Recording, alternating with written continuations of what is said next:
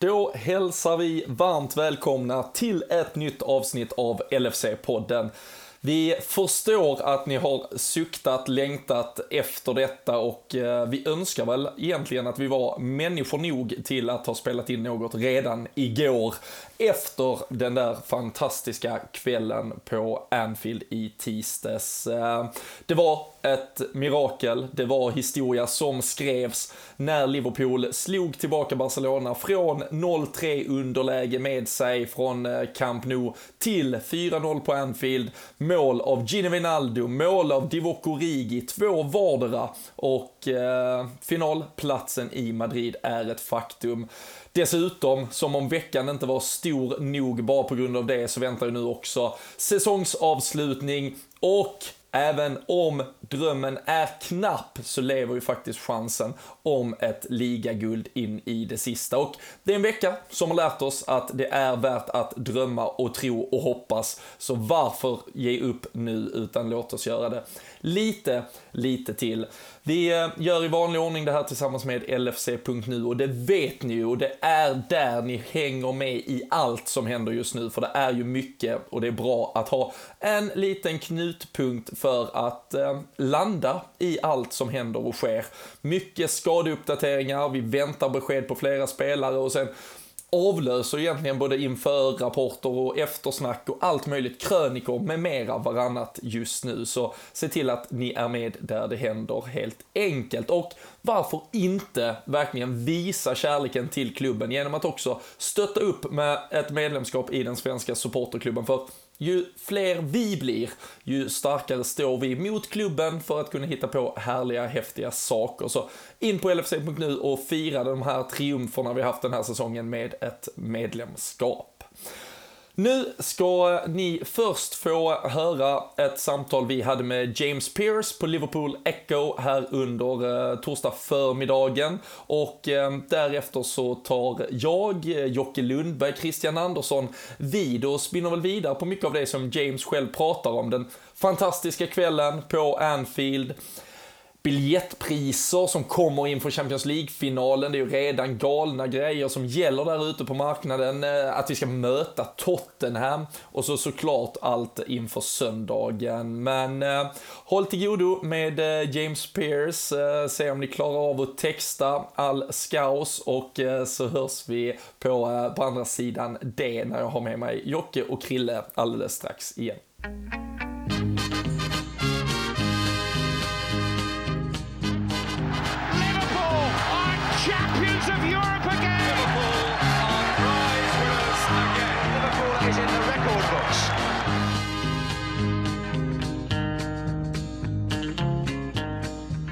So now we're here with uh, James Pearce of uh, the Liverpool Echo. It's uh, Thursday morning. It's of course a very busy week and uh, period um, as both a Liverpool fan and of course a journalist working so close to this Liverpool team. Uh, first of all, James, uh, thank you for taking the time to be with us for a few minutes.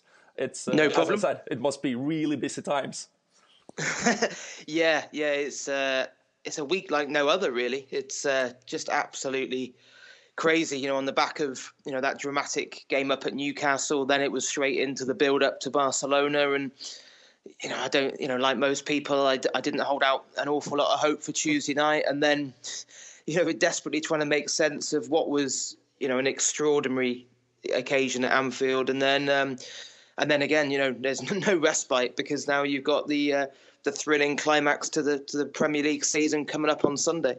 Exactly, and I think, uh, of course, the, we all had our dreams and hopes for what was to come on Tuesday, but uh, the way this season has been, uh, it, it, it, at one point it was also like, but on Sunday it's all over. But now we, we have to go again. It's uh, it's a few weeks more. It's uh, amazing and stressful at the same time.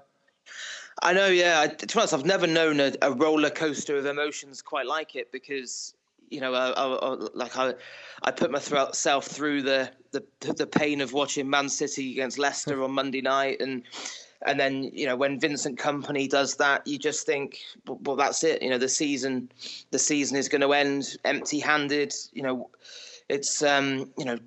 You know, uh, uh, you know, amidst the disappointment, of course, massive pride at what this Liverpool team had, had given us. But you know, you, you, you felt like that that was it, and then you know to then witness what we witnessed on Tuesday night. You know, it was a, it was an absolute miraculous fight back. Yeah. It suddenly makes you makes you even believe that that the the impossible is is possible on uh, on Sunday afternoon. You know, of course, this one isn't. You know, Liverpool were masters of their own destiny on on Tuesday night against Barcelona, and it's you know the dynamic is a bit different on Sunday. But you know, I, will tell you what, you know, if you'd asked me at the start of the week, I'd say there was more chance of Brighton taking a point off Man City than there was Liverpool beating Barcelona four 0 So. Uh, yeah, we just we just have to hope for an, another uh, another big surprise. Absolutely, and uh, you mentioned the Man City game. With with that, uh, just a day before the Barcelona game, was it even more impressive for the Liverpool players to come out that desperate and with no? Um, you could you couldn't see any disappointment or no feeling that the season was over, or do you think it even helped them? uh, to to get the extra attitude uh, for the Barcelona game. Uh, yeah, do you know what? I just think it even adds to the achievement on Tuesday night. The fact that everything, every single thing was stacked against Liverpool, turning that tie around. Because um, you know, you, are right. You know, the, the body blow of being in the team hotel on the Monday night and and and seeing that, you know, Vincent Company. I think I saw a stat. He hadn't even had a shot from outside the box for six years. Exactly. And um, you know, and you know, and suddenly he nails one into the top corner from 25 yards. It it would have been easy for for for not just players but supporters as well to feel sorry for themselves. But and I must admit, I parked up at Anfield on Tuesday night, probably about 6 p.m. and I wondered whether the, the, atmosphere might not quite be at the absolute elite level that I felt against Man City and Roma last season, just because of the balance of the tie and and I just wondered whether you know whether whether there would be that kind of hostility around Anfield or or whether almost a you know a, a little bit of a sense of you know realism at you know we'll we'll have a go, but you know this is the equivalent of trying to scale Mount Everest tonight, but. um it, you know what? It, I, I, you know, I've, I've seen some amazing things. I've been lucky enough to have to have some fantastic days in this job, but nothing comes close to Tuesday night because, you know, I think you have to factor in the, the caliber of the opposition. Yeah. You know, you're playing against the, the best player in world football, arguably the greatest who's ever played the game. Um, you are talking about a Liverpool team without Mo Salah, without Roberto Firmino, without Naby Keita no Andy Robertson for the second half. I mean, Liverpool had absolutely no right to to to to, to do what they did on, on Tuesday night. And I think I think the other thing as well to factor in is those Barcelona players had had the weekend off. Valverde made 11 changes last weekend for their game against Celta Vigo. Those that Liverpool team had an energy sapping contest up at Newcastle.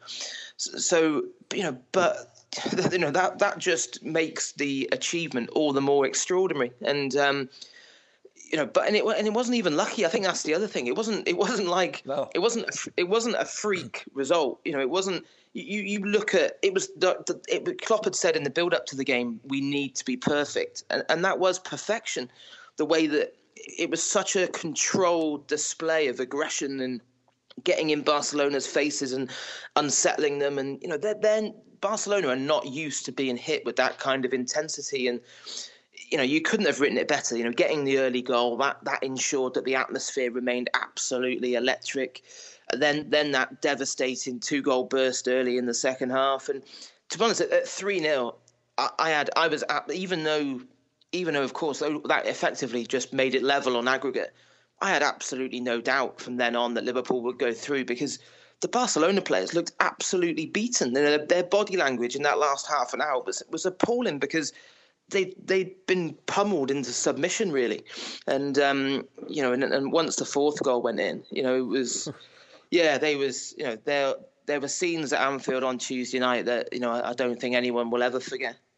No, no, I think I, I watched the because every time when you when you're in it with your passion and, and heart, of course, it's hard to really be analytic about how we actually control the game. But I watched the replay, I watched it all over again, and, and that that was actually we, we didn't have a problem with Barcelona. We we fully controlled them. And um, if we go to the atmosphere, I saw uh, Jamie Carragher tweeted after the game, "Best night ever at Anfield." Where where would you uh, rank this uh, compared to the Saint Etienne's, the the Chelsea's, um, those amazing nights in history? Yeah, I mean, like uh, in terms of the ones I've been at, it, it has to be the top. You know, I've I've I've never felt Anfield kind of you know rocked to its foundations quite like it was on on Tuesday night. Um, you know, I was at the Chelsea games. Uh, I, you know, I wasn't at the Olympiacos one. Obviously, I'm slightly too young to remember St Etienne. But you know, when you when you think when you when you think back to those achievements, I, I just I just don't even think they they can hold a light to um, to what Liverpool did on Tuesday night. You know, I think in terms of in terms of great nights at Anfield, that has to be the number one. I think if you're talking about greatest ever comebacks, you know, we were having this conversation in the office yesterday. I, I think you probably have to put Istanbul ahead of it still, just because it was a major final. Yeah. Um, you don't know, but you know, but even even Istanbul was, you know, it in terms of performance wise, the other night was was vastly superior to that, because you know, Istanbul was, you know, a, a, disastrous first half display, followed by, you know, the, the most unbelievable six or seven minutes exactly. we'd ever seen.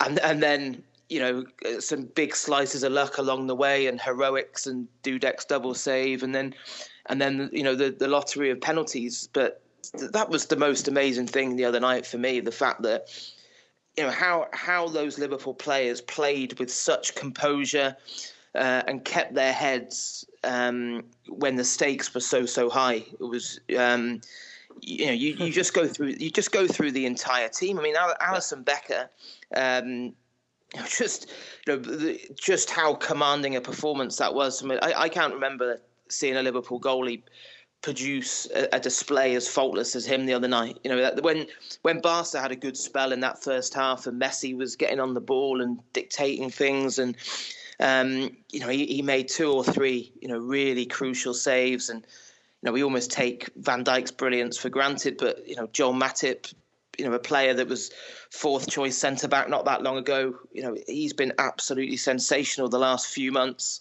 Um, you know, again, Robertson loved how he, you know, stood up to Messi and Suarez, and you know, no respect for big reputations, and uh, and then you know Trent Alexander Arnold, you know, to the role he played in the fourth goal, you know, just yeah. the vision and the ingenuity and the technique for a 20 year old kid playing in a game in a game that big.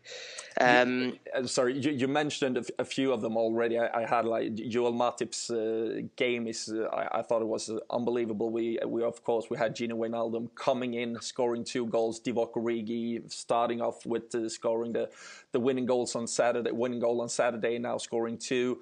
Jordan Henderson, a player who's been uh, more or less criticized for for his spell at Liverpool, uh, had his ups and downs. He will now lead Liverpool as a captain in successive finals. Um, we always, of course, comes back to talk about Salah, uh, Firmino, Mane, uh, Van Dijk, what they have done. But what, what is it that what what have Jurgen Klopp done to, to have now a full team of players ready to step up at the biggest occasions?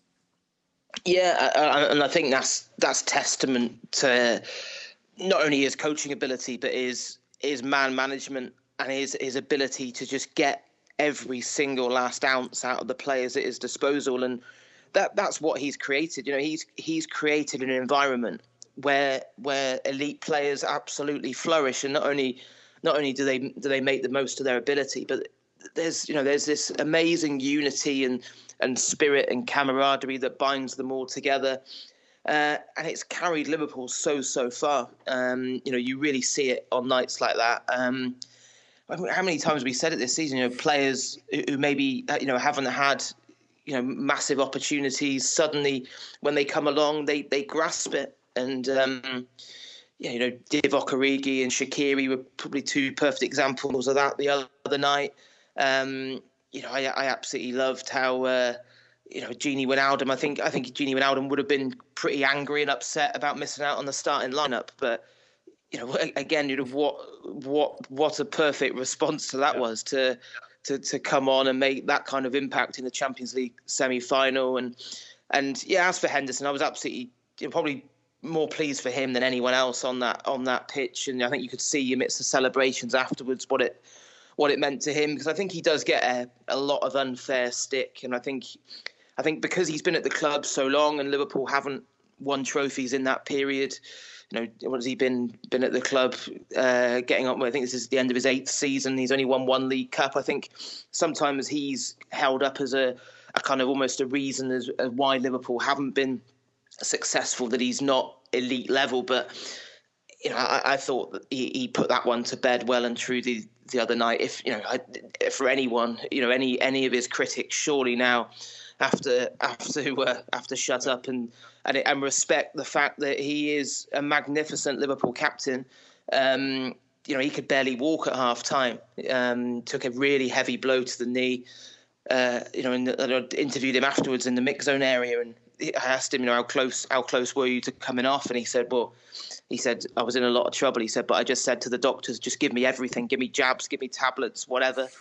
I I am I am not coming off that pitch wow. when uh, and uh, and that you know he's he's a he leads by example, and others others follow, and you know Fabinho as well. I, I, I thought he was at his shithousery you know, from him throughout the game. Yeah, to play with yeah, that attitude and with a yellow card from like 15 minutes.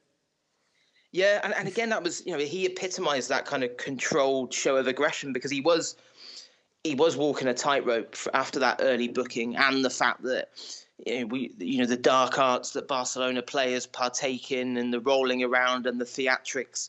He had to be so so careful. Um, but no, I just you know he, I, I thought I thought Fabinho was was absolutely top class, and you know I love I love the fact that uh, Coutinho's last last moment on the ball before he before he got hauled off was basically being dumped on his backside by Fabinho, who, who took the ball off him, and um, yeah, that just it was it was you know it was it was like a man playing against a boy watching watching Fabinho in action. Yeah. Um, I know you're uh, on, a, on a tight schedule, so we're going to take a few uh, few questions uh, and maybe cut it a bit shorter. Um, yesterday, um, we had another um, amazing semi-final here. I think uh, the whole world in some way was cheering for the, the young Ajax team. Um, it really looked like they were to be the opposition for Liverpool in the Madrid final, but Tottenham put in uh, a Liverpool class game, uh, an amazing um, turnaround uh, with Lucas Moura scoring that winner. Um, what what what do you think about the feeling and the fact to to play the the young and upcoming uh, adventurous Ajax side compared to a team that Liverpool now in and out really know. Uh, of course, Spurs know Liverpool. Um, what, what, do you think Klopp would have preferred if if there was a chance to um, have an option? Yeah, I, I, think it's interesting. I, I mean, he's he's not going to admit it publicly, of course, now that Tottenham have gone through. But I, I think I think Klopp, like Liverpool fans in general, probably would have preferred Ajax. Yeah. Um, I, I just think that Ajax have a you know fantastic team who you know have had a, an unbelievable season, but you know they, they are a very young side, and I think this Liverpool team with their European experience and having been to the final last season, I think that would have been you know a, a big big kind of plus for Liverpool. Um, and also, I, from a personal perspective, I, I would have you know an Ajax Liverpool final to me is more mouthwatering than than facing one of your domestic rivals. But exactly, um, yeah. Uh, but do, you know what? It's it's still the European Cup final, isn't it? You know, if yeah. it was Ber- Ber- Bergwijn that um, you know we we were watching Liverpool knocking around in the Europa League not too long ago, um, and now we're kind of quibbling over who we're going to. You know, oh, I wish we didn't have to face them in the Champions League finals. It's uh, uh, it's, it's, very it's very Liverpool to on Tuesday uh, night. All we were probably out of the competition at 99%. And then on thir- Wednesday night, we're complaining about opposition. It's uh, it's amazing, but that, that's how it is to be to be a fan. Um, but something else that the fans are now complaining about, and maybe with more right to do so, is uh, the allocation of tickets and the pricing for the final. Uh, Liverpool are giving 16,600 tickets approximately. That's like 25% of the stadium. And we know that half of the stadium will be to UEFA uh, and their sponsors and everyone around. and the pricing is also um, already crazy. Uh, flights and accommodation is crazy. Um, we have, of course, already crossed the line for what is what football can bear for the for the fans soon. But what, will what can Liverpool do to, to start and help supporters um, that want to be part of those amazing? Even if you were to all the Champions League home games, you're not a, you're not secured for a ticket to the final. Yeah, and do you know what? I think that you're spot on there. That that's the thing that jumped out at me when I was reading through all the details last night. How can you have a situation where a Liverpool fan has been to all six Champions League home games this season and, and still can't be guaranteed a ticket for the final? I mean, I think you have to have been to seven to, to exactly. be to be sure of one, and six, and you're in a ballot. Um, it's you know the, the problem is UEFA aren't interested, are they? They do they don't care. They don't listen. It's the same.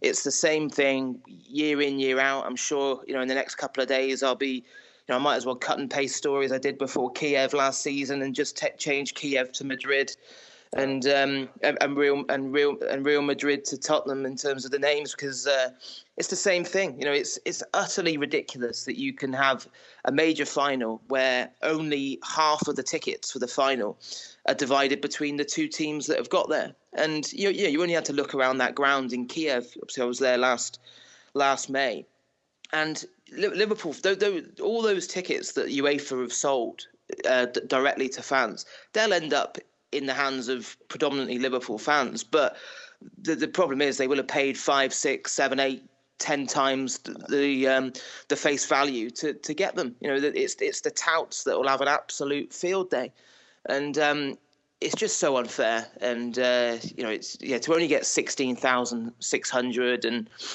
it's it, you know Liverpool are pretty tied in terms of what they can do. It you know it doesn't it doesn't help things for, for Liverpool as well that they have this issue with the the priority rights holders, which exactly. um, which obviously goes back to the days of Hicks and Gillette and promises that they made to shareholders when they bought them out. Um, you know, I know that FSG have, have examined closely and taken legal advice to see whether they could get out of that agreement because you know you've effectively got a situation there where you know I think it's up to about fifteen hundred people who who may not who may not even go to games regularly are suddenly able to jump to the front of the queue when a major final comes along and that's hugely unfair on on loyal fans that spend crazy amounts of money and time to follow the team everywhere. Um, but you know, FSG have been told that it is legally binding and they have to respect it. But um, yeah, it's you know, it, uh, you know, Liverpool fans will they'll absolutely take over Atletico Madrid's ground. I've got no do, doubt about but, that. Uh, it's it's on the price that that is uh, truly ridiculous. Um, I we, we've we've used the, the 20 minutes we had here. Um, I will uh, shortly let you go. Uh, just very short uh, ahead of Sunday. Uh, of course, we saw Andrew Robertson walk off uh, with a knock. Uh, Bobby Firmino, Mo Salah didn't even come to play uh, on Tuesday. Do you have any updates on the three of them uh, for this game? And do you think if there is like 50-50 chances, will Jurgen risk people on Sunday or will he keep them for the final? No, I think I think the situation he's in, I, I don't think he'll take any risks. I think now that you know you may have been tempted if if there wasn't another game after this, because you'd almost think, well, there's, there's nothing to lose. But no, I, I I would be absolutely amazed if we saw Roberto Firmino in action, just because you know, I got told he wasn't even close to being fit for, for Barcelona. Um, I think I think we'll see Mo Salah back. Klopp seemed very optimistic that um, that, that Salah was much better, and you know I think the concussion protocol means that uh, that Salah, you know, he, he is effectively ruled out until Saturday at six six days, I think it is. Yeah. So um, so he should be, I, you know, I'd, I'd, fully expect as long as as long as he he hasn't had any. Um, you know, setbacks or whatever. I haven't heard that he has. Then I'd expect to see Salah involved. And then we're just waiting on um, scan results for Robertson. I think it was on a on a calf issue. So um, uh, you know, he'll he'll obviously to be desperate to be involved, but you know, again, I I think if there's any doubt there, then it would be it would be stupid to take any any risks because um, you know Liverpool, you know, you know Milner filled in very well there the other night at left back. Um, there's no reason why he couldn't do a job there on on Sunday, and Liverpool should have too much for Wolves. Um, you know, Wolves have had a, a, fantastic season, but you know, there's only one team on Sunday afternoon at Anfield that that have got something you know massive riding on it, and uh, you know, I'd, I'd expect Liverpool to have too much for them. And then I think the interesting thing for me is can can Liverpool just create you know a little bit of you know we, I think we saw the other night with City that you know they are an unbelievable team, but they haven't been they haven't been blowing they haven't been blowing opponents away. And you know I think Guardiola the other night he looked like an absolute bag of nerves on the touchline and. And you know, the I, I saw his interview afterwards where he was making out that City was so composed and kept their heads, and that was absolute rubbish. Like they they they were, you know, and their fans were getting increasingly frustrated and irate, and so, you know, I, think it's going to be very interesting if Liverpool can get a couple of goals ahead, uh, and if you know if City stays goalless, then you know that's you know that that news will you know in this modern era, it doesn't take long for that to filter around, and, and that will just add to the add to the nerves and the tension down on the south coast, and um, you know we've seen one miracle this week involving Liverpool. Uh, who's to say that uh, that lightning won't strike twice? Uh, absolutely amazing. Now we, uh, of course, we really hope so, and I, I could imagine if if that was the, the opportunity as well, Brighton and, and their fans will of course uh, fancy themselves to to be a, a part of this uh, title race and to uh, to really upset uh, their opponent. So it will be an amazing game on Sunday, and of course a final in a few weeks' time. thank you very much for taking your time, James, and hopefully we can have you back um, anytime soon again with um, a bit more to speak about. Yeah, no problem. Good, good, good, good chatting to you. Thank you. Bye. Jajamensan, då är vi eh, tillbaka på, eh, på svenska istället, eh, eller åtminstone skånska och det väntar en, en härlig mix av dialekter här när vi är ja, men en, en brokig skara som eh, försökte eh, samla oss efter den där fantastiska kvällen i tisdags. Ehm, och eh, för alla oss här så är det ju egentligen bara ja, snacka ner, snacka upp och sen packa och göra sig klara inför helgens eh, tripp till Liverpool. Det är ju en avslutning i Premier League vi också ska se till att göra det mesta av. Eh, Krille, hur eh, levs eh, livet mellan eh, fullständig lycka och ny anspänning som snart väntar?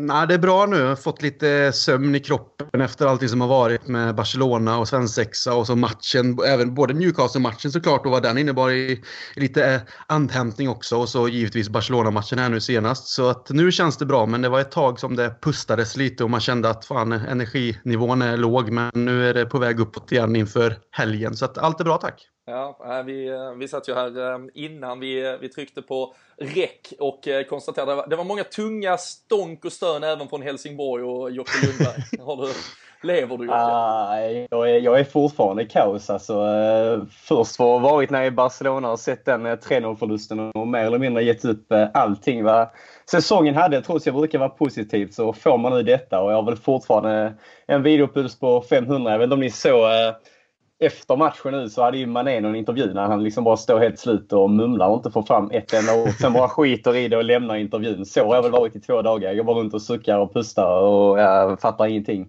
Så jag är helt förstörd. Har du, har du fortfarande fiskemössan på dig som du skickade bilder på tisdags? Nej, jag hade den igår faktiskt och hoppades vi kunde få fram Ajax, men det ville sig inte då. Men eh, den får hänga med till Madrid i alla fall. Den hade ju någonting eh, vidskepligt som eh, tog oss hela vägen där i, i tisdags. Så, så den ska med till Madrid, det kan jag lova. Ful men viktig är den. Ful, ful men viktig, det är, vi, vi har väl ett par sådana spelare kanske vi kan komma tillbaka till sen i så fall. Men, äh, men Hur mår du själv då? Har du landat? Ja, men det, det, det har jag. jag. Det är ju det absolut eh, svettigaste och värsta man, eh, man har upplevt eh, framför eh, tvn. Och uh, men just att det, alltså man låg ju till slut och skakade. Alltså det sättet vi gjorde det på. Det var alltså normalt så hinner man ju inte tänka efter så mycket i den här typen av bragdvändningar. Alltså närmst till hands är väl kanske egentligen Dortmund. Då var det liksom explosion på slutsignal i stort. Alltså det var liksom verkligen in i det sista. Det är då det brukar hända. Men, men att vi gör 3-0, ja vad är det, 56 minuten och sen egentligen kontrollerar detta fullständigt och i där det kanske rent dramaturgiskt och enligt alla konstens regler borde varit ett Barcelona som kom tillbaka och tog lite ja, men tog tag i detta så, så var det istället ett Liverpool som fortsatte kontrollera det, trycker in 4-0 på det extremt påpassliga sätt som vi gör och sen sen bjuder vi aldrig in dem egentligen, så det, så det var ju någon form av alltså, sån extrem såklart nervositet kring matchen, men också att all stolthet kring det här laget kom ur venerna på en i samma sekunder som matchen liksom utspelades framför en. Så det var, ja, det var en helt, eh, helt sinnessjuk tisdagkväll verkligen och mm, jag tror jag kom i säng vid tre-tiden och, och vakna liksom fem på morgonen och var fortfarande genomsvettig men fast att man hade sovit två timmar så fan aldrig mått så bra onsdag sen liksom. Så det var, nej det är, det är sjuka saker det här laget gör med en, det har vi pratat om förr och det här är ju inte eh, något undantag till den samlingen av fantastiska kvällar och dagar vi har fått uppleva med, eh, med Liverpool. Och eh, som alla där hemma har hört här nu, vi, eh, vi ringde ju upp till och med James Pierce för att få en lägesrapport eh, direkt från eh, stormens öga. Otroligt tacksamt att han ens kunde hitta en liten eh, lucka i ett eh, ganska eh, så stökigt schema just nu. Han sa själv där att han trodde nog att också att säsongen skulle vara över på söndag och att man trots allt fantastiskt som har varit så känner sig lite förtjänt av lite ledighet. Men det är bara upp på hästen igen och fortsätta och han pratar ju om eh, den, den största kvällen någonsin på Anfield. Eh, det är klart att eh, ja, han, precis som vi, har inte rent fysiskt upplevt alla de där kvällarna, men när vi tar in allt Christian så, så går det väl inte att komma ifrån att så faktiskt är faktum. Nej, det är så det är helt enkelt. Det går inte att säga någonting annat. Eh, jag menar, man har sett många, både, alltså, både på plats och även framför tvn, stora matcher. Men eh, matchen mot Barcelona och det, det stödet publiken gav och all den glädje som kom i hur den här matchen utfördes och vad resultatet sedan blev och vad det betyder att vi är ytterligare i en Champions League-final för andra året i rad eller andra säsongen i rad. Det kändes nästan som att det här var någonstans där allting faktiskt kom igenom tv-rutan. Det var nästan till som att vara på, vara på plats faktiskt. Det, liksom, det, var, det var den känslan som det, som det blev av det. Och jag själv eh, var väl lite i chock under matchen. Första målet satt jag mest i min, det jag kommer ihåg. För det blir lite så här blackouts också. För man blir ju lite chockerad över faktiskt som utspelar sig framför ögonen. Och då var det mer ja, kom igen Liverpool, kom igen. Liksom, man hade ja, ett mål i alla fall. Och även där kändes det väl inte direkt som att det var troligt kanske. Men när det väl rullade på och ja, allting sedan var klart med alla de känslorna som gick genom kroppen. Så precis som jag gick ut på, på Twitter och skrev av folk som, som såklart ville att vi skulle göra ett poddavsnitt nästan direkt där. Och det var liksom bara, oh. Men jag, som jag skrev, jag, jag, jag satt faktiskt och grät för mig själv. Och det var alla känslorna, alltså tårarna rann och jag, det slutade inte. Och någonstans är det väl vad, det som det någonstans resulterar i. Vad, som du sa Robin, vad det här laget gör med en. Att man liksom få de här känslorna i kroppen och att en sån här fruktansvärt vacker prestation som det ändå är får en att liksom böla som ett barn. Och det var som jag skrev också, jag vet inte när jag grät så här mycket senast. Det var ju liksom tyst gråt med mycket tårar och det fanns bara kärlek och starka känslor och glädje. Så att Nej, det största som Anfield har fått uppleva är absolut den här matchen mot Barcelona och att det var just Barcelona med de spelarna som det var och en Messi som var magisk i, i första mötet. Så Liverpool gör det på de här speciella sätten och det är ju därför det är underbart att vara en supporter också och vara röd. Så att eh, nej, det, man vet inte. Jag håller på att säga att man vet inte när man kommer få uppleva det här igen. Men vi brukar ju göra de här eh, lite sådär då och då så att vi får vänta och se när nästa gång blir helt enkelt. Nej, vi, eh, vi, vi låg ju på, på gräset utanför Olympiastadion i Kiev, Jocke, för det är ju snart ett år sedan och konstaterade mm. att den första Champions League-finalen som, som du och jag hade fått chansen att uppleva live med, med detta Liverpool var en ja, landar ju i en, en enorm besvikelse där och då. Samtidigt så, så kände man väl någonstans att man kunde knyta näven och tro att det kanske inte skulle ta 11 år till nästa som det hade gjort från 2007 till 2018. Men att det skulle ta ett år, eh, det trodde vi väl knappt kanske då och absolut inte för två dagar sedan. Nej, helt, helt osannolikt. Eh, som du säger, alltså jag vill bara lyfta fram alla grejerna efter eh, Barca-förlusten egentligen. Om vi kan ju ta eh, liksom när kompani drar in sitt första skott på sex år eller någonting och ger oss en knytnäve rätt i ligastriden där och sen utan Firmino, utan en Sala, Barcelona vilar hela laget i helgen som gick eh, inför matchen då i ligan. Och ändå så reser vi oss, har orken, viljan, allting. Och visst, när vi gör 1-0 så får man väl lite sådär, visst, men vi kommer inte klara det. Det är en kontring de behöver med det anfallet. Men när 2-0 kommer in och man verkligen ser Valverde liksom virra på huvudet, Suarez, Messi chockade, tagna av Anfield-publiken. Allting. Då började jag känna vittring och ett lag liksom som ville mer än Barca. Men eh, sista tio minuterna var ju kanske det värsta jag upplevt. Jag satt och tänkte där och då på att, om ni kommer ihåg Eider Gudjonsens eh, miss framför de Cup eh, när vi möter Chelsea 05. Det kändes som en loop på den i tio minuter. Jag, bara, jag satt i någon helt overklig position som jag typ skulle föda 30 barn samtidigt och, och bara skrek alltså, så fort. Och det absolut värsta, det närmsta vi kan komma Gudjonsens miss, det måste ju vara Fabinhos brytning där i sista minuten på Messi innan vi får bort bollen. Det är, helt osannolikt. Jag svettas till och med nu när jag sitter och pratar om det. det nej, jag brukar försöka vara positiv, men det här trodde jag aldrig. Det var rätt roligt faktiskt när vi var nere i Barcelona nu och satt lite sådär halvdeppa efter, eh, efteråt innan vi blev utsläppta. Så kom där fram en kille som jag har sett på några matcher som känner en annan vän till mig och nästan seriöst skällde ut oss för att vi inte vi satt tyst och liksom inte trodde på det här. Att eh, det är alltid möjligt, sa han efter 3-0, men inte ens då kunde jag tro på det. Men äh, det är utan tvekan den största, största kvällen på Anfield. Om man liksom väger in, som du var inne på Robin, prestationen. Det är verkligen inte bara ett mål i sista minuten eller en Ja, visst, det är lite tur med den prestation i 90 minuter. Det är verkligen framåt och bakåt. Är, folk kan snacka om sjuka vändningar och att vi har gjort det, men det här är en prestation i 90 minuter.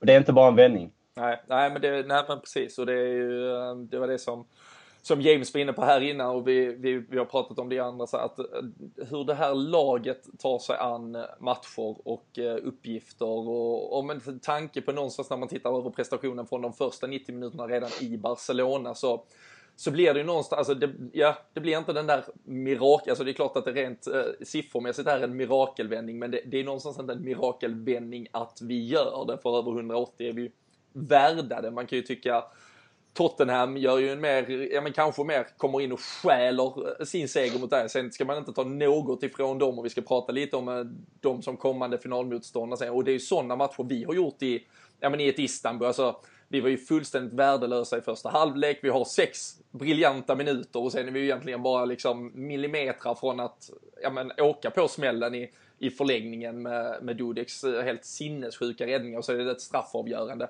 Det är någonstans att vi harklar oss fram, men likheten man någonstans kan hitta det är ju samtidigt vad de här kvällarna tar fram i de här spelarna som inte normalt tillhör mm. liksom den där grädden, alltså alla minns ju på något sätt, i alla fall var man inte med själv på det sättet så minns man ju spelartrupperna man har suttit och tittat på startuppställningar från 04-05 när Scott Carson fick hoppa in i eh, avgörande slutspelsmatcher. Eh, Sinama Pongol, Antoni Letalek, alltså det är inte spelare på samma nivå men den här kvällen på Anfield, då, då är ju faktiskt de stora hjältarna en Joel Matip som fullständigt stänger mittförsvaret nästan som den store ledaren framför Virgil van Dijk, även om han alltid är den koloss han är. En Fabinho som får ett gult kort efter 15 minuter och sen ändå packar ja. ner Lionel Messi i fickan. Divock Origi behöver vi inte ens börja med. Gini Wijnaldum som kommer in. Jordan Henderson som gör en sån där kaptensinsats som nu betyder att han gör sin andra raka Champions League-final som lagkapten. Det är bara fyra lagkaptener i historien som ens har lett alltså ett engelskt lag i en Champions League, i en dubbel Champions League-final. Det var Gerard 05-07, sen har vi Emlyn Juice ja, på 70-80-talet. Det är, alltså, det, det är såna, det är såna fantastiska spelare. Det, ja, men det, och det måste ju, ja, Pierce var inne på det här, men det här Christian, det, det visar ju vad vad det här nya Liverpool är. Att det är så stor, vi, vi, har pratat om spelare som konstigt att man inte har varit i startelvan så länge eller inte kommit in. Men när de väl kommer in så är det det mest självklara för dem att vara en del av detta Liverpool-laget. Ja, absolut. Och sen då tror jag att mycket, och det har man ju läst en del om också, men mina tankar kring det också har varit just att det har man ju en, en, en manager i Jürgen Klopp att tacka för. Han har ju fått den här gruppen av spelare. Oavsett om du är bänkad som Shakiri har varit ett tag eller en Origi som sitter på bänken. Nu har han kommit in mot Newcastle och får spela mot Barcelona och allt det här och gör det eh, otroligt. Men just att du, du, är inte en startspelare men du är med och är en del av den här gruppen av spelare som är Liverpool Football Club tillsammans med en, med en sådan manager som Jürgen Klopp är. Och att det betyder så mycket. Att de jobbar alla för varandra. Alla verkar vara så sympatiska med uppgiften och att det är laget först och man vill liksom springa genom den här berömda väggen som Bill Shankly sa för laget och för managern. Så att eh, nej, alla spelarna ska cred. Det finns egentligen, man kanske kan nämna en man of the match, men egentligen är det ju laginsatsen i den här matchen som är det speciella. Och liksom Barcelona kom ju till en del chanser och hade en del avslut, även om det inte var de här kanske kliniska avsluten. Men man får ju inte glömma heller en, en Allison som liksom blir en vägg och bara stänger igen totalt och visar vilken, återigen såklart, vilken världsmålvakt han är. När det väl gäller så är han där och gör otroliga räddningar som någonstans också är med och räddar oss för att inte släppa in det här eh, bortamålet för Barcelona. Då. Och det gör ju också att det blir en vinnande väg fram till att vi kan, kan göra de här fyra målen och att vi ändå stänger igen det på det sättet. Och du nämnde även Matip eh, Robin och han har ju spelat in sig och är en, en, en ny, ny, på nytt född koloss i mittförsvaret. Eh, liksom, vi har ju liksom nästan räknat ut honom och pratat om att han liksom tidigare då när han inte fick spela och han var skadad men sen han kom tillbaks in i laget så har han egentligen bara gått från klarhet till klarhet jämte van Dijk. Och det är så underbart att se att fast du inte spelar som jag sa och fast du inte är en given startspelare. Och det, det känns inte som det är en bitterhet och, och negativitet i den här truppen på något sätt utan alla går åt samma håll och vill samma sak. Och så är de, har de också ändå en Henderson som gör den här kaptensinsatsen. Eh, springer, får en smäll, liksom vill absolut inte gå av utan går upp och bara visar att han ska fortsätta. Sen fortsätter han springa genom murar och blöda för den här tröjan. Och det är ju där all kärlek som supporter kommer när du har sånt här lag. Så det är helt fantastiskt. Och mycket som sagt, jag liksom summerar det att det är också en manager i Jürgen Klopp som vi kan inte, vi kan inte begära någonstans att få en bättre manager än honom. Jag kan tänka mig att många klubbar där ute, trots att de har duktiga managers, och kanske i världstoppen också, de är fulla med avund för vilken manager vi har. För på det sättet han tar sig till klubben, folket, fansen, spelarna. Fan, man, hade man kunnat få honom så hade han ju varit den extra pappan man lätt skulle vilja ha. Alltså, det är ju bara kärlek till den mannen. Så han har verkligen lyckats. Det är helt underbart. Ja, man kände ju eh, man kände en extra kärlek till hela truppen dessutom när man ser eh, sista minuten att eh, Ryan Brewster sitter och sjunger eh, med till fansens eh, We shall not be, be moved. Det är fullständigt jävla briljant eh, klipp också. Det, ja, men det, är ju en, det är en grupp spelare här som har formats och verkligen ja, de, de flyttar berg tillsammans och de vet att ingen uppgift är de för stor.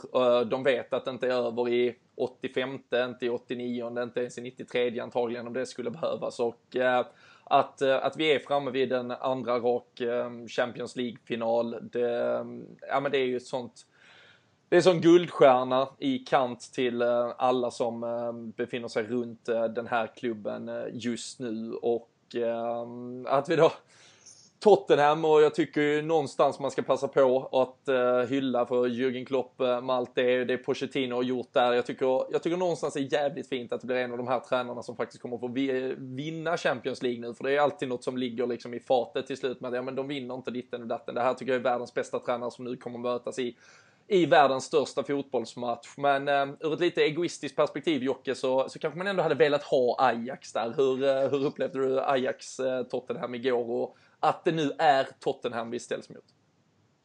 Nej, det är ju, de har, om vi har haft en sjuk väg eh, och, och, tuffa lag på, på vägen dit så har de haft minst eh, samma tuffa i princip och alltid funnit en väg. Så jag vill ha ett Ajax, eh, dels för, på grund av att jag liksom unnar dem det någonting och om vi skulle förlora så hade jag väl kunnat unna dem en eh, pokal efter den här våren. Men blev Tottenham, bara att lyfta på hatten och eh, jag känner väl någonstans, tro och hoppas att Liverpool efter matchen i fjol med liksom det de har visat. Den här jävla anamman, viljan, orken, mentala styrkan som Klopp är inne på hela tiden. De viker aldrig ner sig efter att ha fått en finalförlust i fjol. Och sen direkt, liksom året senare, vinna mot PSG, mot Napoli, Röda Stjärnan, skicka Bayern, Porto och nu Barca tror jag att vi liksom kommer att dra det längsta strået och inte låter det liksom slippa när vi har varit så nära och liksom fått smaka på det och lärt oss en läxa. Men det är 90 minuter första gången för Tottenham. Allt kan hända. Få tillbaka Harry Kane.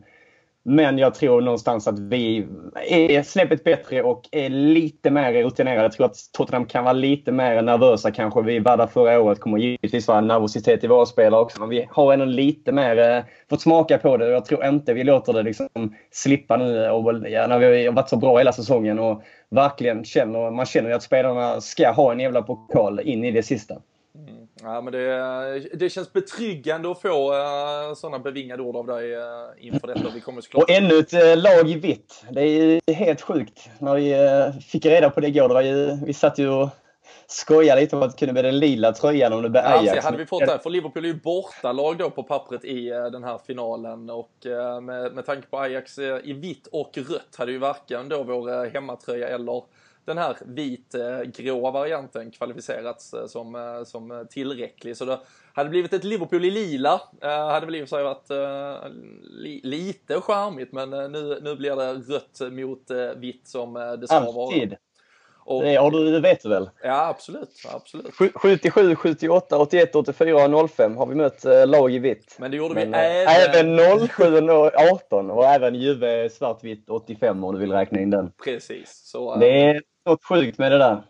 Ja, nej men eh, så är det. Så eh, det, det är helt enkelt, eh, det ligger, alla vita lag borde helt enkelt heja på Liverpool i Champions League-sammanhang. För det bevisar att de är de som slåss om den, den andra finalplatsen helt enkelt. Och Ja men det blir ju någonstans, man, man märker det lite sådär, den, den som vill eventuellt vara lite bitter till fotbollen tycker att det blir som vilken Premier League-match som helst. Hur känner du, har du hunnit resonera kring det Krille? Att det, ja, att, det, att det någonstans såklart inte blir den.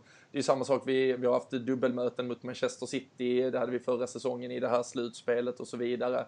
Är det, blir, blir det inte riktigt samma sak när det är inhemska lag som möts? Kanske inte på det sättet som ändå kanske en, en Champions League-final när det handlar om Europa och att det är lag från olika länder som ändå slåss om det. Men i slutändan, precis som du nämnde med Robin, liksom det är ett lag, Tottenham, som gjort det så otroligt bra och tagit sig hela vägen. Så liksom all heder till dem och de är värda att vara där för de lagen de har slått ut och på det sättet de gör det så är det ju en saga för dem också såklart i sig med allt vad det innebär med ny stadion och ett slags nytt, på nytt fött och de har en tränare som också är världsklass och som någonstans förtjänar att vara här med det materialet han har haft. Så man kan tänka och tycka vad man vill men både Liverpool på det sättet som de nu då tar sig an Barcelona i andra matchen och går vidare och så som Tottenham gör det nere i Amsterdam det finns ingenting att säga än att båda lagen är värda eh, de, här, de här finalplatserna sett till resan de har gjort. Så att det är ju bara att se på att det är en Champions League-final med två oerhört duktiga lag med världstränare eh, på, på, vid sidan av planen som har styrt dem dit. Så att eh, tittar man med de ögonen så blir det en, en, en stor Champions League-final. Jag menar, hade man sett Ajax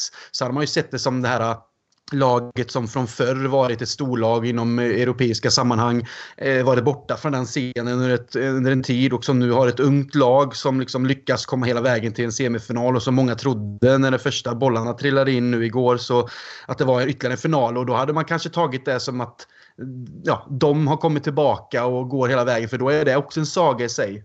Ehm, så att man kan se det på olika sätt men jag väljer att se det som att det här kommer bli en, en oerhört gigantisk match mellan två engelska lag och det bevisar väl också vad den ligan innehåller för, för lag och vilka spelare som finns där och varför den är så attraktiv världen över. Så att nej, det är en Champions League-final och, och den är varken eh, Liksom, den är inte min, mindre på något sätt bara för att det är två engelska lag och att det inte blir den känslan utan det är bara att ta sig an den och så såklart att det är Tottenham gör att det blir lite den här känslan av att fan måste gå och vinna det här för att jag har helt ärligt från min sida så blir det svårare att se Tottenham vinna den här än det varit om vi hade åkt på stryk från Ajax. Ja, så, så den känslan är det bara att köra över de här. Och tot Tottenham har ju blivit en ganska så eh, uppstudsig eh, lillebror på, eh, på sociala medier framförallt där de försöker blåsa upp sig till, som någon form av rival till oss. De, de, inte, de, de har sitt Arsenal en gång om året, det ska de vara nöjda med. Det är ingen annan som egentligen bryr sig om dem, men eh, man vet ju att man kommer få höra det eh,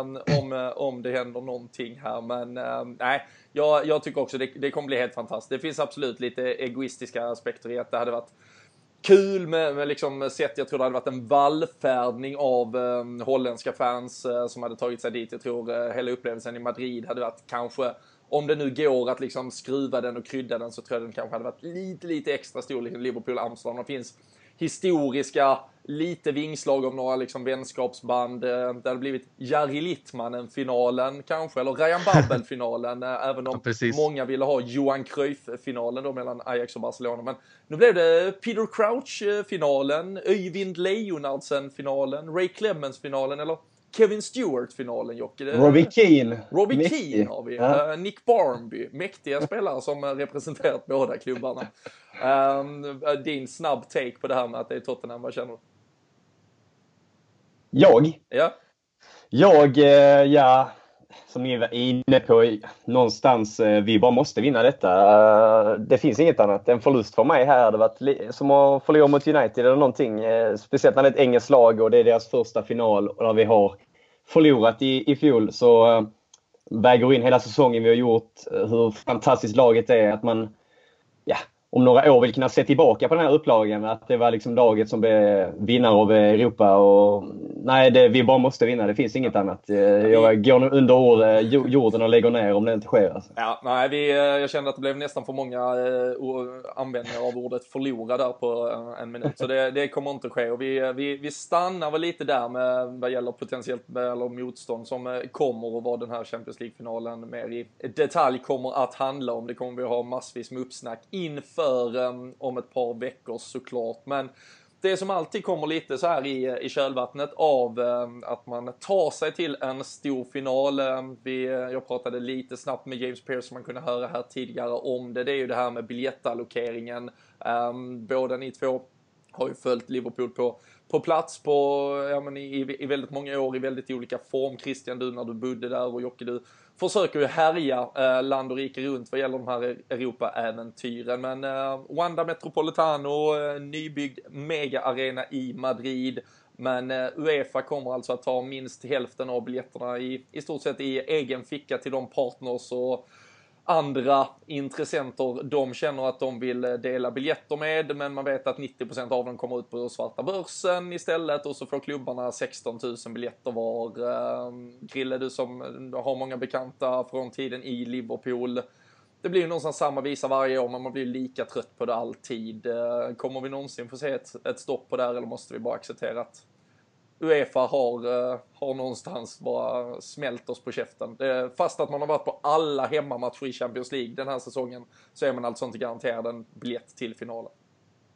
Nej, precis. Det är ju tyvärr önsketänkande att det någonstans ska rätta sig till eh, inom den närmsta framtiden med det här. För att tyvärr är det ju fansen som blir lidande. Liksom alla supportrar som jobbar stenhårt för att tjäna sitt levebröd och sen lägger det på att kunna åka och se borta matcher, följa sitt lag hemma i alla kupper och liga såklart. Och, och lägger ut sina sista kronor kanske på att kunna ta sig ner till till exempel Barcelona, München, Porto och allt det här. För att se Liverpool och få vara med på den här resan. Och så kommer man i slutfasen kanske ändå inte riktigt få liksom vara med in i, i, i sista biten i en final i Madrid. För att det kostar först och främst både Även om du köper en biljett via klubben så kostar det mycket pengar för en finalbiljett. Men sen så kostar ju allting med logi och, och resa och allt det här. Och, och, och, det blir ju fans som blir lidande. Och det är ju det som är det fula i allt det här. Att tar man sig hela vägen till en final och man ser ju bara på inramningen på Anfield som en semifinal Barcelona gör. Hur, alltså, hade fler fans fått möjlighet att få biljetter och Uefa hade kunnat som sagt dra åt helvete med allting som handlar om pa partners och, och allting som du också nämner Robin.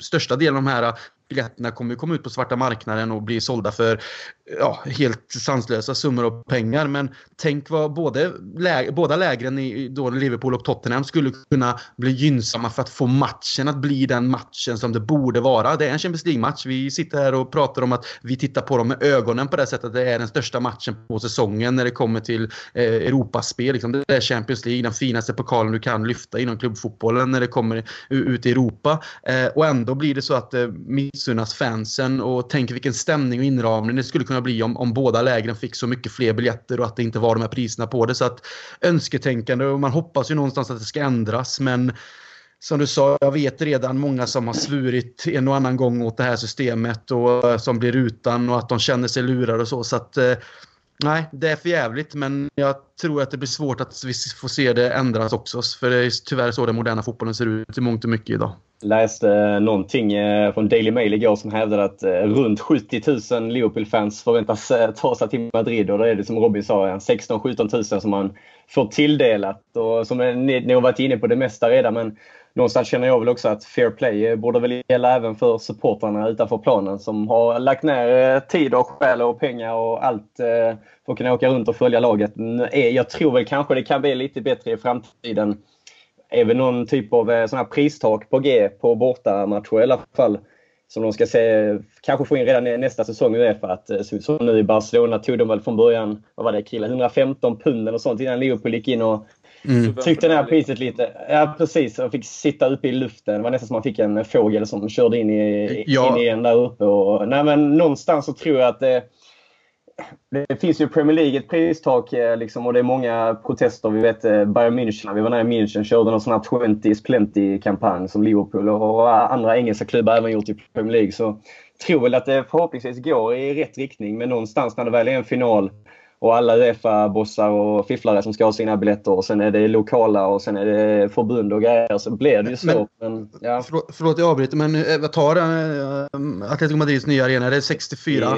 4 och sånt ja. ja och, och, och, fansen får 17 000 var ungefär? Ja, alltså det, det, är 34 till Uefa och så är det 17 17 ungefär. 16 613 biljetter för Liverpool. Ja, och då tänker man alla de här som Uefa liksom. Det, oh, det, det stör mig i sin helvete för att så ja, många behöver de inte. Nej och jag hade någonstans, alltså jag hade någonstans, jag hade inte accepterat det för jag tycker fortfarande det är en sjukt skev fördelning. Men hade det varit att de här 34 000 gick till partners som sen också kommer att sitta på sin stol. Men eftersom deras biljetter finns fullt tillgängliga för dem att sen bara sälja. För de får en klassisk biljett när man ska söka en biljett via Liverpool, via klubben. Då, då ska du jävlar i det. Då ska det vara ditt passnummer och det ska vara vad fan och hans moster för att ens få tag på den här biljetten så att de vet att det är du som har fått den, du kommer gå på den. Men de här 34 000 Uefa-biljetterna, det är fan bara att trycka liksom eh, Ctrl-C, Ctrl-V och bara printa ut skiten och sen så står folk och kränger dem. Och, och det är där det blir så jävla, för då blir det liksom, ja, 34 000 personer med Uefa-anknytning som får lov att sälja biljetter på svarta börsen ganska öppet. För det visar ju sig alltid som i Kiev när vi var där. Det var ungefär samma fördelning. Men det var ju 40 000 Liverpool-fans på arenan. Bara det att de har fått köpa den för 20-30 000. Och det är det mm. marknaden alltså, tvingar upp den på. Så, så det, är liksom, det går inte att göra så mycket om. Men att de ens finns tillgängliga på marknaden är väl det som är problemet helt enkelt. Det är det som är så fult, för fotbollen hade ju inte varit där den är utan supporterna och deras eh, liksom, eh, hängivenhet till att resa och titta på matcher och följa sitt lag. Och det är ju de som hela tiden, som jag sa, de blottar sina plom plånböcker för att göra detta. För det är deras livsintresse och deras livsstil kanske i mångt och mycket. Så att i slutändan så missar du en biljett så får du ändå betala liksom en ja, 20, 30, 40 tusen för en finalbiljett bara för att ditt lag har kommit dit. Och det är ju pengar som liksom det är helt sjukt att den, även om det är en Champions League-final, att det ska ens få gå till så. Så att nej, det, det, är tråkigt och det är synd och ledsamt. Men vi hoppas väl som Jocke säger att det kan bli bättre. Jag har svårt att se det dock, men jag hoppas ja, att det kan alltså, bli det. Problemet är att det är en för stor apparat. Jag såg till exempel, det är ju, det är ju en extremt liten äh, men, jämförelse i övrigt, men äh, Malmö FF äh, här till exempel ska, ska vägra att gå ut på ståplats första kvarten i sin nästa hemmamatch för att visa, ja men hur kul har ni nu utan en en, en hemmapublik liksom. Men eh, liksom, Liverpool är så stort globalt så du hade inte kunnat säga nej men kom igen nu, nu samlas vi, vi kraftsamlar här, ingen åker till Madrid, vi man skiter i finalen. Alltså. Man vet att vi hade ju en sån biljettprotest, var det halv borta för några år sedan eh, när det var många som sket i att åka dit i ligaspelet. Och då var det sån här Sunderland, alla gick ut i 77 Precis, den också, hemmamatchen där. Du har ju fått igång det någonstans i England med max typ 30 pund eller någonting, eller vad det ligger på nu. Men det måste ju, jag tror ju att stora massan vinner alltid folket, men det är någonting som måste sättas igång i hela Europa bland storklubbarna. Och som, vi, som jag sa, man såg ju Bayern München var igång där. Och, ja, jag, ja, jag tror det kan finnas en chans om alla går samman, men då uh, måste sätta lite press på Uefa. För, uh, ja, Nej, de kan inte tänja oss hur eh, långt som helst. Det är bara att ta de här diskussionerna med Superliga och topp 20 och allt vad skit de hittar på. Och, eh, nej, det, jag tror någonstans att till slut vinner alltid folket, men det måste ju sättas igång då. Jag menar, har vi haft sex bortamatcher och tänk alla som har varit på dem plus hemmamatcherna och vad snittpriset har varit på resorna över halva Europa med tåg och mat och allting om du räknar in det. Det är ju 60 000 kanske, eh, snabbt räknat. Eh, det, och sen en final på det med priser, inflation, pris, efterfrågan styr allt. Men priserna har ju skjutsats upp rejält på hotell och flyg i Madrid och så var samma i Kiev. Kaos, det kanske inte är Uefa som kan styra det, men någonstans har ju folk varit inne på att de måste även kunna sätta lite pris på arrangören eller staden att någonstans ha resonabla priser. Det är givetvis svårt eh, men... Nej men det jag... måste ju, alltså det, en, en, en flygbiljett med, med Ryanair från, eh, från London till Madrid ligger på 16 000 kronor tur och retur nu. Alltså du kan ju mm. till New York fem gånger för de pengarna typ. Så det, nej, men det, det, blir, det blir helt sinnessjukt. Men, men fotbollsfansen är ju de enda. Det är ju någonstans därför vi, vi själva är det. Det är någonstans därför vi har en fallenhet för att ja, förälska oss i andra människor som är eh, fotbollssupportrar för de, Eh, det, det, är det mest liksom, dedikerade folkslaget där är om vi nu får eh, bunta ihop oss på det sättet. Men eh, det gör ju också att vi ligger i klorna för eh, marknaden för vi, det är ju som ett gift eh, för oss det här. Men vi, eh, vi ska väl försöka att inte landa i detta. Det här var en eh, diskussion som eh, jag känner att vi alla tre här nog brinner för och gör oss lite lagom upprörda. Men med tanke på allt det fantastiska vi hade i tisdags och det helt fantastiska som kommer till helgen så, så tycker jag att vi någonstans ska, ska växla upp det här på den mer positiva skalan. och ett mirakel har redan skett den här veckan, som sagt i tisdags kväll och det finns all möjlighet att ett mirakel till sker på söndag. Jag, ehm, jag sa själv när jag satt här och pratade med, med min sambo efter matchen, liksom, ja, men det, det Liverpool gör, ni, ni gör ju alltid så här, är liksom hennes känsla, och du tycker det, det finns så många av de här magiska vändningarna, du var, ni var inne på det tidigare. Och hade någonstans det varit att, ja men vinner vi med 8-0 själva mot Wolves, ja men då klarar vi. Alltså då hade det varit en omöjlig uppgift, men det var någonstans att den låg ändå i våra händer. Nu måste vi ju även få hjälp på något sätt av ett Brighton. Men eh, jag tycker ändå att det är ett Manchester City som har sett klart darrigare ut nu de här senaste matcherna. Det är ju någonstans titeln för dem att förlora. Ett Brighton som blev klara helt för Premier League och kan spela utan någon som helst anspänning och egentligen med den enda, alltså inför sin hemmapublik. Tänk om de fick fälla det här stora oligark, shake, eh, mega-imperiet som eh, Manchester City är och liksom eh, någonstans förnedra dem genom att ta den här poängen. Man, man måste hitta de här halmstråna nu och börja bygga upp sig. Men eh, hur känner du Krille inför det som väntar på söndag?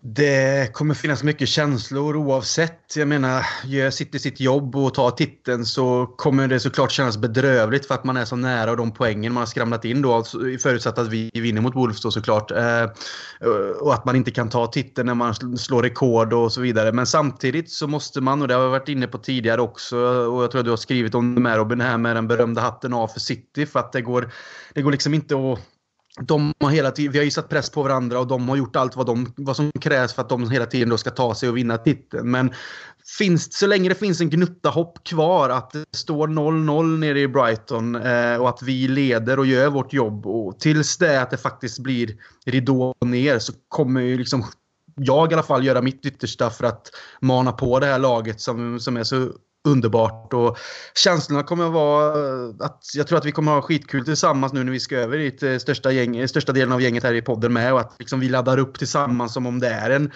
en vilken match som helst. Trots att det finns nerver och den här känslan av att det är den sista matchen och vi har möjligheterna till det och att vi inte redan lägger oss ner och tänker att ah, det finns ingen chans. Utan så länge som sagt det finns en möjlighet till att eh, Brighton tar ett poäng från City så måste vi visa vårt lag att vi finns där för dem. Och är det så att det går åt helvete så ska vi fortfarande finnas där för dem för den säsongen de har gjort. Det går ja, liksom det, och, knappt göra det bättre. Nej, det, det, går ju inte. Alltså det, det kommer vi aldrig kunna ord, orda någonting kring. Liksom det, att, att säsongen är helt magnifik, det, det är ju liksom, eh, det, är, det är ju präntat liksom. Det, det är klart. Och eh, jag tror också därför av den anledningen eftersom det som ja, men det, det som hände på måndagskvällen med City, det sättet de tog sig an detta på hade vi inte fått den här skjutsen igen mot Barcelona, tror jag det hade kunnat vara lite svårt.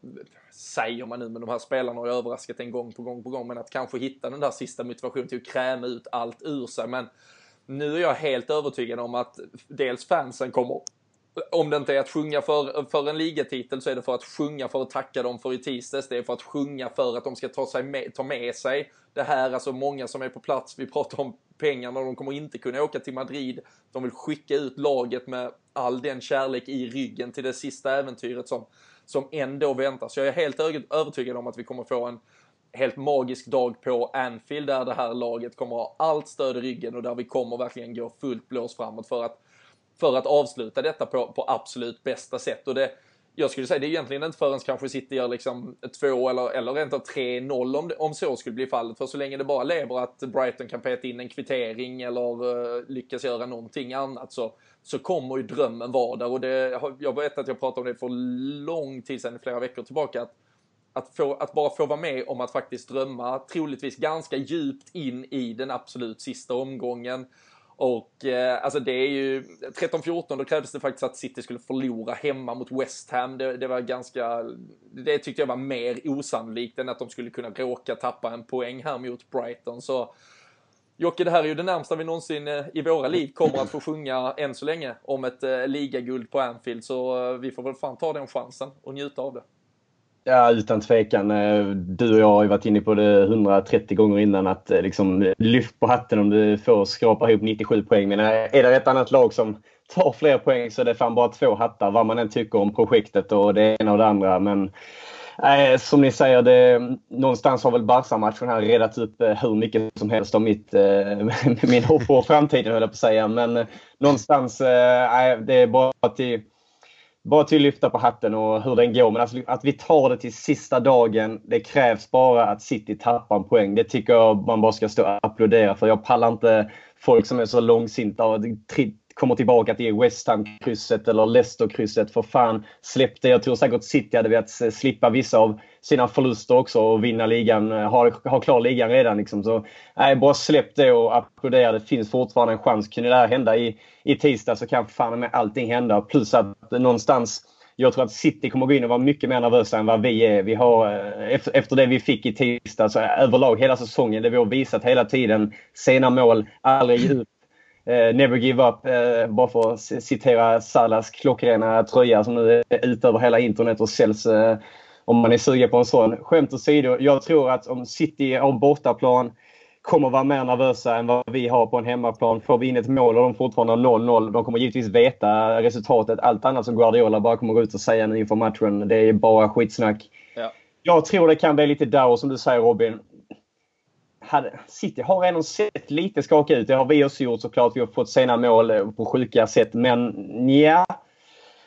Ja, jag är helt tom och helt slut att sitta och prata redan nu. Alltså jag kan ja, jag, andas med. Ja, men jag märker, vi får väl någonstans, eh, jag vet inte om vi behöver ursäkter för jag tror eh, de som lyssnar på detta är ju lika uppspelta fans som vi. Men jag märker att vi, vi, vi är klart mer spretiga än vad vi kanske är. Men det är lite lättare att prata ner sådär än ja, eh, det blev 2-0 mot eh, West Ham och nästa match är om två veckor. Det är, liksom, det är lite för mycket som sker här inom loppet av ett, eh, ett par dagar helt enkelt. Men om vi går in på vad vi faktiskt tror och tänker om om den här matchen. Vi hörde James Pearce här tidigare, det här med att riskera spela. Man kanske, ja, det blir plötsligt andra vågskålar med tanke på att han nu väntar en faktiskt sista match på den här säsongen om ett par veckor de som eventuellt är i farozonen, att inte riktigt vara helt friska och så vidare, att man inte stressar tillbaka dem. Ehm, nu väntar vi på eh, resultat, vi har inte fått det än när vi spelar in detta här på Andy Robertson, hur läget är med honom. Jordan Henderson som sagt, eh, som vi nämnde här och som James pratade om också, han eh, gick på, han, var, han hade tryckt i sig varenda spruta och tablett i, i halvtidsvilan mot Barcelona för att få fortsätta och sen Mo Salah som eh, trots allt ska vara tillbaka om eh, allt eh, har gått enligt det protokoll som följs vad, vad gäller eh, hjärn, eh, hjärnskakning eller de smällarna mot huvudet som man ska såklart verkligen respektera. Men en, en Bobby Firmino som nog inte stressas tillbaka här. Ehm, vad, vad tror du vi får se för lag, Krille, och vad, ja, vad, vad, vad är känslan? Vilka en Divock Origi, de här spelarna som har kommit tillbaka nu, liksom eh, slåss de rent av av platser att ta sig in i en Champions League-elva? Hur, hur tror du spelare och, och Klopp resonerar? Just sett till skadeläget som du säger och man inte riktigt vet här med vissa spelare efter Barcelona. För det är klart att det är en uttömning av energi samtidigt som du säkert får energi av en sådan match. Men en Origi i den formen han är. Han gör mål mot Newcastle, han gör mål mot Barcelona. Finns egentligen ingen anledning till varför han inte ska spela. Och särskilt då när Firmino inte är klar och man kanske väljer att vila Salah just sett som du säger huvudsmäll och vi vill ha honom frisk och kry och klar till en Champions League-final. Så det är lika bra fortsätta på den inslagna vägen med en spelare som ändå eh, är målfarlig nu och som kommer antagligen förhoppningsvis eh, rida på den vågen här nu i slutet.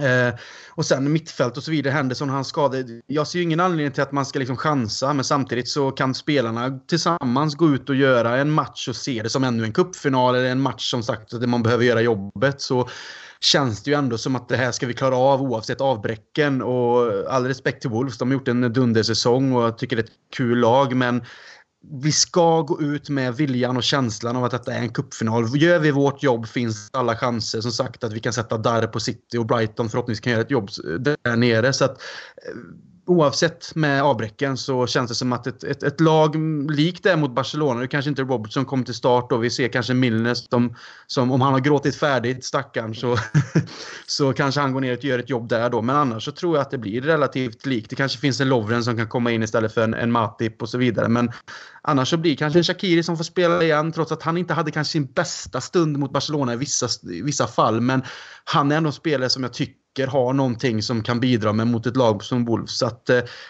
ja, fan kör på bara. Eh, det blir ju lite ändringar sett till skadeläget och allt det här. Men lik, lik, likmässigt mot, mot Barcelona tror jag absolut att vi kan se och då ska vi också klara av detta. Man, eh, man såg ju såklart det var en väldigt berörd Mohamed Salah som, som satt på läktaren och fick se den vändning som hans kamrater stod för och eh, man ska väl absolut inte liksom, eh, man ska inte ge liksom mer, mer till någon eh, än någon annan i de här sammanhangen men Förra säsongen var det ju mångt och mycket han som bar oss hela vägen fram och den gången gick han ut efter 30 minuter skadad i Champions League-finalen och fick liksom inte vara med och, och vara tungan på vågen när det verkligen skulle avgöras. Eh, det blir ju någonstans väldigt speciellt att det någonstans här var spelarna som gav tillbaka om han är väldigt klyschig och eh, om, om han är sådär 50-50 nu mot Wolves, tror du han eh, själv ens vågar spela eller han, han har ju pratat innan om att han vill helst vinna Champions League men han vet att fansen helst vill vinna Premier League och därför tycker han ändå det är viktigare för han vet hur mycket folket betyder. Det är det, de han vill ge den här framgången men någonstans så, så måste man väl respektera den möjligheten han har att kunna få vara med och avgöra en Champions League-final istället. Jag tror ju jag tror inte han kommer att starta eh, dels av alla grejer du säger men också eh, Origi kommer att starta. Kommer antagligen inte få spela i finalen om vi ska vara ärliga trots vilken kulthjälte han eh, har varit och blivit nu eh, trots eh, allt. Men eh, jag tror det blir i stort sett samma lag. Jag tror också som Krille säger att Lovren kanske kommer in. Matti har varit sjukt bra hela våren. Det får man ge han. Lite så i skymundan. Han kanske inte fått alla de här hyllningskörerna alltid. Men fan vad bra han har varit. Man har knappt eh, trott det är sant. Eh, övrigt tror vi också Shakiri spelar. Eh, någonstans känner jag också att eh, vem fan vi än ställer ut så kommer de fan göra ett bra jobb. För många av de spelarna som fick spela nu har ju varit lite så man har spekulerat i. Ja, han, eh, kanske för några månader sedan. Han lämnar nog i sommar. Och vissa av spelarna har också varit kritiserade i flera år. Blivit kallade lite sådär Deadwood. De skulle varit borta för länge sedan. Det är nog de som går in och gör det. Så när alla, alla liksom tar en del och levererar på det här sättet så vet i fan vem man kan ta ut i en elva. För det känns som att alla är up for it nu. Och jag tror att eh, vi tar det säkra före det osäkra och eh, chansar inte med någon när vi har en sån chans. Så, som du var inne på, Salah där eh, drog oss hela vägen i fjol. I andra spelare, hela laget förlorade även i fjol. Som Fabinho som var till tårar efteråt kom ju efter finalen bara någon dag eller två eller tre i fjol. Och var ju nära med sitt Monaco att vinna. Så alla får ju en andra chans och jag tror verkligen att alla vill ta vara på den. Och, uh, nej, jag tror vi, Krille hyllar Wolverhampton här också och har gjort en fantastisk säsong och är bara några värvningar ifrån och kanske slå sig in i precis på snudden topp 6 enligt mig. Om de får behålla alla och fortsätter eh, spela som de har gjort. Så det blir en tuff uppgift, man ska inte underskatta dem. Men jag tror ändå med kanske en Salah på bänken eh, så bör vi kunna dra det längsta strået. Mm. Ja, vi får se. Ehm, Alex Oxlade Chamberlain var ju tillbaka för någon vecka sedan också, men eh, missade, missade här nu eh, på grund av en, en liten eh, smäll. Han har dragit upp i, för jag återkomma där, det kommer ju såklart presskonferens från Klopp här så man kan få lite mer klarhet i vilka spelare som eventuellt är redo. Men det kommer ju vara, och jag kan bara instämma där, det, det kommer vara ett, ett tillräckligt starkt lag för att liksom vi ska vara laget som tar taktpinnen och är eh, klart förande i eh, den här matchen. Och eh, Wolverhampton, det, det, de skulle bara haft bra kontakt med någon agent så hade de säkert kunnat få tag på ett par bra spelare känner man sådär. Jorge Mendes delägda som de i stort sett är. Men nej, de, de är ju fast förankrade nu då på en, en sjunde plats. De är ju någonstans i ingenmansland där men har ju såklart gjort en briljant säsong som nykomlingar och de Conor, Cody, uh, Conor Cody kommer inte slita allt han kan heller för att uh, stoppa väl... ett Liverpool-anfall om vi hoppas på det bästa. Ja, vi får väl, uh, vi får väl hoppas att släkten inte är värst utan snarare är lite förlåtande och eh, kanske eventuellt eh, bjuder till lite, lite extra om, om så skulle behövas. Och så kanske vi får se ett eh, inhopp nu då från eh, Ryan Brewster som, eh, som var inne i matchtruppen mot Barcelona och eh, en annan rolig detalj som eh, jag själv eh, tänkte på det var att Ben Woodburn var eh, på bänken han också senast han var det. Det var mot Roma i den avgörande Champions League-finalen, eller semifinalen, i Rom. Ehm, två eh, matchtruppsuttagningar på ett år. Två avgörande Champions League-semifinaler. Däremellan typ utlånat till Sheffield United och urkast. Det, det är ett liv det med. Eh, låter lite som mig. Jag väljer bara poddarna när det går bra, när vi närmar oss finaler och liksom jag väljer godsakerna. Så jag och Woodburn har en del gemensamt där. Är du poddens Ben Woodburn? Ja, du har ju kallat mig poddens Origi tidigare och ja, det, det, det, jag, det, får jag gärna nu. Så, det, det här kommer jag aldrig glömma. Jag är också poddens kulthjälte här. Ja, jag, jag, hade eventuellt ett hopp om att det var du som uh, skulle växa ut och liksom uh, bli större än det namnet. Men det namnet växte från dig uh, klart mycket snabbare än vad, än vad du kunde hänga med. Men nej, det, det blir en fantastisk avslutning på en helt underbar Premier League-säsong. Eh, det är ju med blandade känslor. Det blir ju någonstans otroligt skönt att vakna upp eh, måndag eh, oavsett egentligen om vi har vunnit eller inte för det kommer vara kanske lite annan alkoholhalt och annan liksom eufori man vaknar med men, men bara känslan av att det någonstans är, är över känns som att den kan, den kan behövas. Det har varit otroligt intensivt, det har varit nervpåfrestande de här veckorna och månaderna. Eh, men eh, man har ju verkligen njutit av eh, varje sekund. Det är, det är inte som för ett par år sedan när man kände att man torskade mot West Bromwich i september och säsongen var över. Det är väl detta vi såklart lever och älskar detta laget för. Så nej, en, en fantastisk match som väntar och sen så kommer vi ju oavsett vad få ta nya tag ett par veckor till. Vi kommer såklart vara med hela vägen fram till Champions League-finalen och så får vi väl se om vi får ett litet eh, sommarlov sen innan eh, sommarfönstret och allt det innebär drar igång. Eh, Krille, vi får ju ändå avsluta såklart den 38 omgången med att också tippa och tänka hur vi tror att fighten mot Wolverhampton slutar. Jag tror att vi går ut och gör det som krävs så att Liverpool trycker in tre bollar, så 3-0 till Liverpool. Det tar man ju på förhand. Vad tror du Jocke? Det eh, blir 2-0 eh, till Liverpool och så blir det 1-1 eh, i Brighton-matchen. Man måste fan hoppas nu. Ja, går på mål redan, så vad fan ska man inte hoppas Börja inte nu, jag blir nervös. Uh, jo. stämmer... Nej, men vad fan, jag, jag, är med så sällan här, så då ska jag fan med göra Tänk, tänk att stå där. Tänk att stå där 2-3-0 och så är det slutminuten det står 1-1 där nere. Jag vet inte, jag känner redan nu att jag börjar svettas. Man lär ju försvinna som en pöl bara om det är så. redan i pannan på mig. Uh, vad säger du? Uh, jag, jag, att vi Ja, ja, 2-0 kan det nog bli uh, till, till oss. Uh, men uh, jag, jag uttalar mig inte om vad som sker nere på sydkusten. Men Ja, uh, vi, vi har ju en uh, flygbiljett uh, hem en dag senare ifall miraklet skulle vara framme Jocke. Så vi får, vi får väl se vilken av dem vi, vi får utnyttja till slut. Och man lär ju kunna hänga med i våra sociala medier här under helgen. Twitter och Instagram finns vi ju på LFC-podden. Det är väl där det lär hända och så ja, kan vi väl egentligen bara mana alla till att gå in i den här uh, avslutningen med, uh, med otroligt mycket kärlek till det här laget. Uh, vad som än händer på söndag så är ju dels inte ens säsongen över och knappast den storhetstid som det här laget har byggt upp är på något sätt över. Van Dijk var ute på officiella hemsidan idag och pratar om att det här är liksom inte, det är inte sista gången det här laget kommer utmana och vara med i ett uh, titelrace. Uh, de var fantastiska redan förra säsongen. De tog stora steg för att bli än bättre denna säsongen och de kommer bara fortsätta på det. Det är flera spelare som